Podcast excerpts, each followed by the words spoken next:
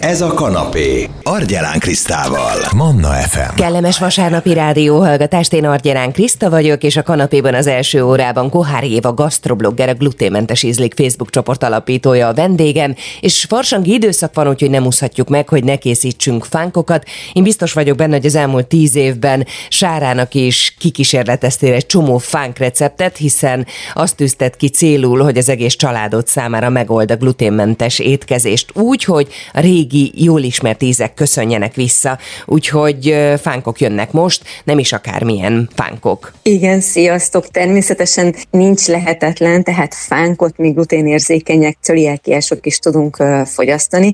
Ráadásul ezerféle verzióban, tehát itt most nem is csak a hagyományos fánkra kell feltétlenül gondolni, hanem ugye egy, egy fánknak is több fajtája van.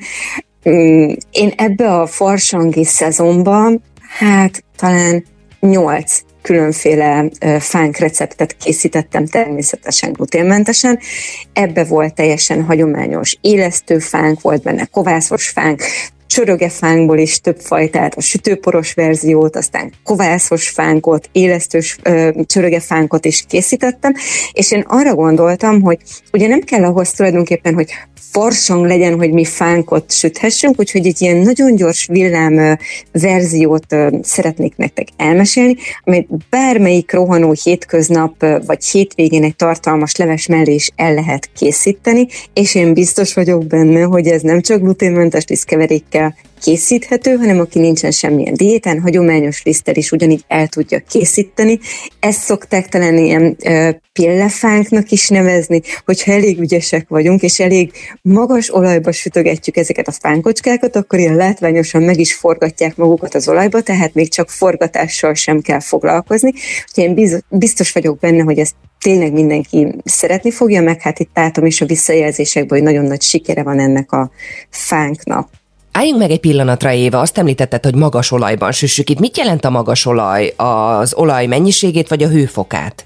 Így van, hogy sokat töltünk az edénybe, tehát érdemes, ugye, hogy ne kelljen azért őrült mennyiségű olajat elhasználni, ezért inkább egy kisebb átmérőjű fazékba tegyük az olajat. Tehát, hogy tényleg az olajnak a szintje legyen magas a, a fazékba vagy a lábosba, hogy szépen ezek a fánkocskák pörögni tudjanak benne.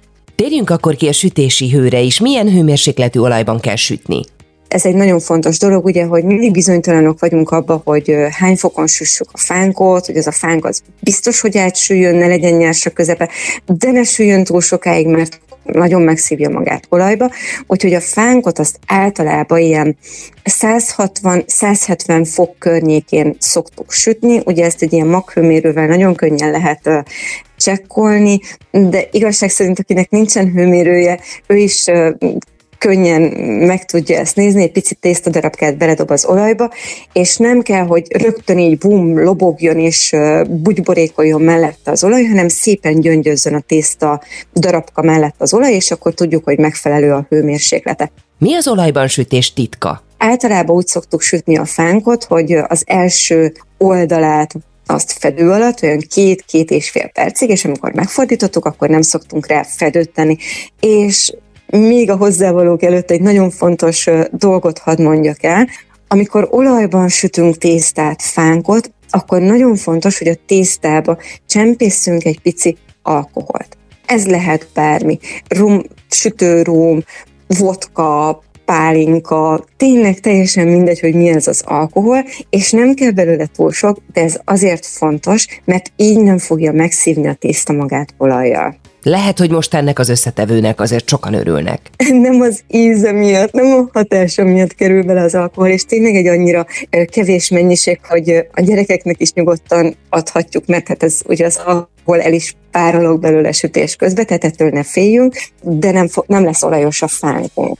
Mi kell hozzá? Hát ez, ez mérettől függően 6-8-10 darab fánkocskát tudunk ebből készíteni, és érdemes nem túl nagyokat beleszaggatni az olajba, hogy garantáltan biztosan átsüljön a közepe.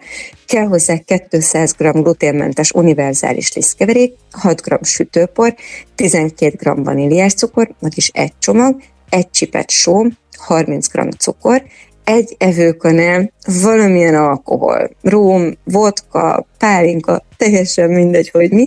Én, hogyha nem rumot használok hozzá, akkor egy icipici kis rumaromát szoktam még mellé tenni, egy darab emmes méretű tojás, 160 g joghurt, aki esetleg tejmentes diétán van, nyugodtan használjon növényi joghurtot hozzá, de ha nincsen éppen otthon joghurt, hanem csak tejföl, akkor azzal is tökéletesen működni fog, és hogy még lazább és még lágyabb legyen ez a tészta, egy minimális 20 g buborékos vizet is érdemes hozzáönteni. Hogyan készítsük el a fánkunkat? Hát az elkészítése az roppant egyszerű, ugyanis az összes hozzávalót csak ki kell mérni egy keverőtába, és egy ilyen kis kézi habverő segítségével alaposan csomómentesre keverjük össze.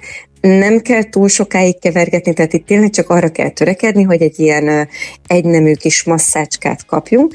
Melegítsük fel az olajat olyan 160-170 fokra, tehát így jó bő legyen az olaj, tehát jó magasan álljon ebbe a lábosba, és két kanál segítségével, amit belemártunk az olajba, ezzel beleszaggatjuk a kis fánkocskánkat tulajdonképpen. Itt egy picit érdemes letakarni fedővel, és akkor tényleg látványosan ezek meg fognak fordulni az olajba, de ha valami oknál fogva nem fordulnak meg, akkor picit villával természetesen rá tudunk segíteni és uh, tulajdonképpen el is készültünk, a megsült fánkokat szedjük konyhai papírtörlőre, és már tálalhatjuk és porcukorral megszorva a lekvárral, ki mivel szereti a fánkot.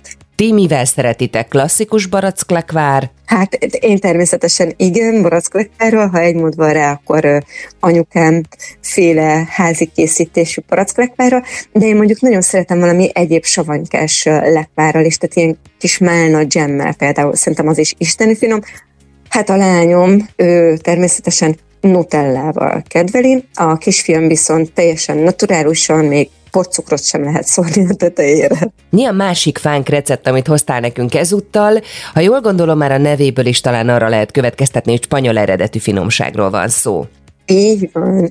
Pontosan ez lesz a churros, és igen, ez egy spanyol eredetű mm, fánkocska, de tulajdonképpen ez nem más, mint egy nagyon alap égetett tészta, amit nem sütőbe sütünk meg kicsi halmoskáknak, képviselőfánknak, vagy profiterornak, vagy ilyen csík alakba eklerfánknak, hanem ezt beleszaggatjuk, belenyomkodjuk egész egyszerűen olajba. És tulajdonképpen ennek is az olajba sütött változatának is két verziója van, mert hogyha beletöltjük habzsákba, és ilyen kis csillag csöves kinyomó csővel, ezt most nagyon szépen elmondtam nektek, de szerintem mindenki érti, hogy mivel. Szóval, hogyha habzsákból nyomjuk bele ilyen kis csíkocskákba az olajba, akkor lesz belőle a csórosz, de hogyha kis kanállal beleszaggatjuk az olajba, és utána meghempergetjük, vagy fahéjas cukorba, vagy amit nagyon szeretünk, az a kakaós, ilyen cukros kakaóba, akkor abból már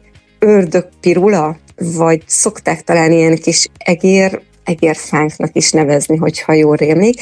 Tehát ez a tészta, amit most itt elmondok nektek, ez egy nagyon egyszerű, tényleg egy égetett tészta alap, amiből csomó mindent tudtok tényleg készíteni. Na, tehát a csúrosz, az ördögpirulát, a képviselőfánkot, a profitervort, az eklárfánkot. Na akkor lássuk a csúrosz hozzávalóit. Ehhez szükséges 125 ml víz, 125 ml tej vagy növényi ital, de hogyha az összes folyadék víz, úgy is tökéletes lesz.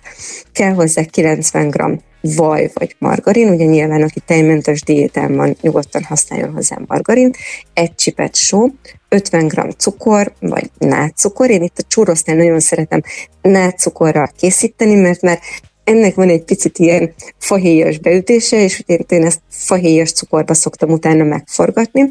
Kell hozzá egy csomag vaníliás cukor, 150 g gluténmentes univerzális lisztkeverék, és három darab emmes méretű tojás. Viszont itt a tojásra felhívnám mindenkinek a figyelmét, ugye, hogy azért emmes és emmes tojás méretekben is vannak némi nemű különbségek, tehát itt mindig a tésztának az állagát kell majd figyelni, és előfordulhat olyan, hogy picit nagyobb tojás esetén, hogy két darab is bőven elegendő lesz hozzá, de ezt majd mindjárt az elkészítésnél elmesélem, hogy milyen legyen a tésztának az állaga, és akkor a forgatáshoz ízlés szerint cukor és fahéj kell, és aztán, hogy ezt a csóroszt ki miben mártogatja, hogy meghagyja csak így fahéjas cukorba forgatva, vagy készít hozzá egy csoki öntetet, ami lehet nemes egyszerűséggel egy felolvasztott csokoládé is, vagy csokoládé puding. Én imádom karamell öntettel is, úgyhogy ezt is lehet hozzá készíteni. Ez teljesen ízlés függő tulajdonképpen. Az elkészítési módba is avas be mennünket, Éva. Egy lábosban melegítsük föl a vizet és a tejet, itt arra kell nagyon figyelni, hogy ezt majd nem szabad forralni, mert ugye ez elég kis mennyiségű folyadék, és hogyha elkezdjük nagyon forralni, hogy ez gyorsan párolog, és akkor már nem biztos, hogy sikerül az égetett tésztánk. Tehát ezt, hogy elkezdjük melegíteni a vizet, a tejet, rögtön beletehetjük a cukrot, vaníliás cukrot és a margarint vagy a vajat, és addig kevergessük, melegítsük, amíg a margarin vagy vaj teljes egészében fel nem olvad. Hogyha elértük pont a, a forráspontot, tehát 100 fokos lesz nekünk ez a folyadékunk, tökéletesek vagyunk, de ne forraljuk tényleg sokáig. Ezután öntsük bele a lisztkeveréket, itt levehetjük nyugodtan a, a tűzhelyről, és kevergessük egy spatulával egészen, vagy egy fakanállal addig, míg csomómentes lesz, és már itt szépen össze is el nekünk tulajdonképpen ez egy, egy ilyen golyóba, vagy egy ilyen nagy gömbbe tulajdonképpen. Utána tegyük egy pár másodpercre vissza a tűzhelyre, és tényleg ne sokáig, mert ha túl sokáig hagyjuk rajta, akkor kicsapódik belőle a zsíradék. Az sem lesz jó. Eztán a tésztát hűtsük le egy picit, mert különben, ha hozzákeverjük forrón a tojásokat, akkor meg rántottát kapunk. Tehát itt tényleg ezekre a kis nüansznyi dolgokra kell figyelni. Ne párologjon el a folyadék, és a tojás ne süljön meg benne.